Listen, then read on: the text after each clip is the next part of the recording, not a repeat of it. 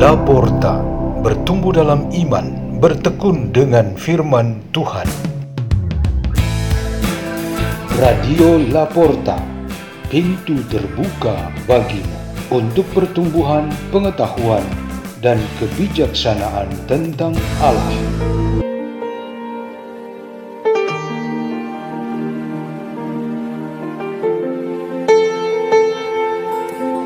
Dibawakan oleh Suster Gabriela OSF dari Santa Elizabeth Semarang, Keuskupan Agung Semarang, dan Pastor Peter Tukan STB dari Labuan Bajo, Keuskupan Rute.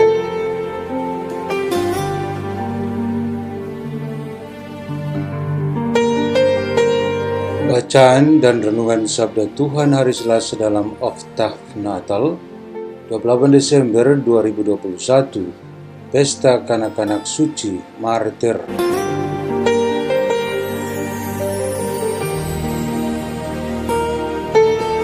Inilah Injil suci menurut Matius. Setelah orang-orang Majus yang mengunjungi bayi Yesus di Bethlehem itu pulang, nampaklah malaikat Tuhan kepada Yusuf dalam mimpi. Malaikat itu berkata, "Bangunlah, ambillah anak itu serta ibunya." Larilah ke Mesir dan tinggallah di sana sampai aku berfirman kepadamu. Karena Raja Herodes akan mencari anak itu untuk dibunuh. Maka Yusuf pun bangunlah. Malam itu juga diambilnya anak itu serta ibunya, lalu menyingkir ke Mesir dan tinggal di sana hingga Herodes mati. Hal itu terjadi supaya genaplah yang difirmankan Tuhan lewat nabinya, dari Mesir kupanggil anakku. Ketika Herodes tahu bahwa ia telah diperdayakan oleh orang-orang majus itu, sangat marahlah ia. Lalu ia menyuruh membunuh semua anak di Bethlehem dan sekitarnya, yaitu anak-anak yang berumur dua tahun ke bawah sesuai dengan waktu yang dapat diketahuinya dari orang-orang Majus itu. Dengan demikian, kenaplah firman yang disampaikan oleh Nabi Yeremia. Terdengarlah suara di Rama, tangis dan ratap yang amat memilukan. Rahel menangisi anak-anaknya, dan ia tidak mau dihibur, sebab mereka tidak ada lagi. Demikianlah sabda Tuhan.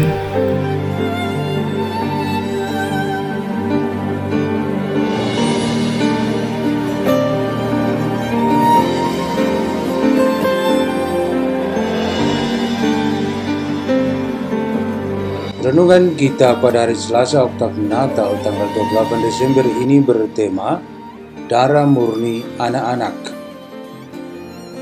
Setelah hari Natal, kita diperkenalkan martir pertama dalam gereja yang baru didirikan di Yerusalem, yaitu Santo Stefanus.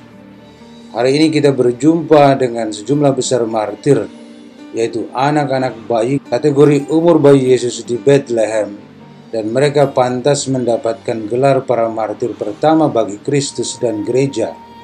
Mereka menjadi korban dengan menerima kematian yang tidak mereka tahu.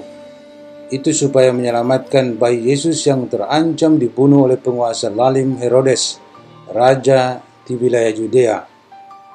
Mereka mati untuk Yesus. Tidak mengetahui dan menyadari sendiri kematiannya, menjadikan kematian ini sungguh suci yang berarti mereka sangat innocent, darah mereka sangat murni. Mereka sebagai martir gereja yang sudah potensial hadir di dalam dunia. Gereja akan secara nyata dan historis didirikan masih sekitar lebih dari 30 tahun setelah para bayi itu. Namun nyatanya gereja itu sudah ada sebagai persekutuan di Bethlehem ketika semua orang berada di sekeliling bayi Yesus. Para bayi martir memberikan kesaksian salib bagi gereja, di mana mereka rela mati untuk menyatakan bahwa jalan salib adalah mutlak bagi setiap pengikut Kristus. Mereka adalah para bayi yang belum tahu seluk-beluk dunia ini, baik dan buruknya seperti apa. Tetapi karena mereka mati bagi Kristus, Mereka sesungguhnya menempati posisi tertinggi dalam penghayatan iman yang sebenarnya. Mereka memberikan jalan bagi setiap pengikut Kristus bahwa mempertahankan iman, berkorban demi Tuhan dan mati karena Yesus Kristus adalah panggilan tertinggi setiap pengikut Kristus. Maka kembali lagi kita dikaitkan dengan semboyan kita bersama. Tak ada mahkota tanpa salib. Karena melalui peristiwa-peristiwa Yesus dalam penderitaan, penghinaan dan kematian di salib itu, kemenangan dan kemuliaan kita capai. Kematiannya memenangkan kehidupan, hidup abadi bagi kita. Darahnya yang tercurah bagi kita menurunkan pengampunan dosa dan rekonsiliasi kita dengan Bapa Surga. Entah sudah berapa kali kita mengalami suatu kemenangan atas kejahatan dalam bentuk apa pun yang membuat kita merasa sebagai pemenang. Entah sudah keberapa kali kita mengalami diampuni dan diliputi damai yang membuat diri kita amat bersuka cita. Ini adalah pengalaman iman amat spesial bahwa kebahagiaan di balik penderitaan, kemartiran, dan kematian adalah sangat nyata. Marilah kita berdoa dalam nama Bapa dan Putra dan Roh Kudus. Amin. Ya Tuhan Yesus Kristus, bantulah kami untuk memikul salib-salib kami dengan gembira, sehingga kami dapat menjalankan kehendak-Mu. Bapa kami yang ada di surga, dimuliakanlah namamu. Datanglah kerajaanmu, jadilah kehendak-Mu. Di atas bumi seperti dalam surga, berilah kami rezeki pada hari ini, dan ampunilah kesalahan kami, seperti kami pun mengampuni yang bersalah kepada kami. Dan janganlah masukkan kami ke dalam pencobaan, tetapi bebaskanlah kami dari yang jahat. Amin. Dalam nama Bapa dan Putra dan Roh Kudus. Amin. Radio Laporta, pintu terbuka bagimu.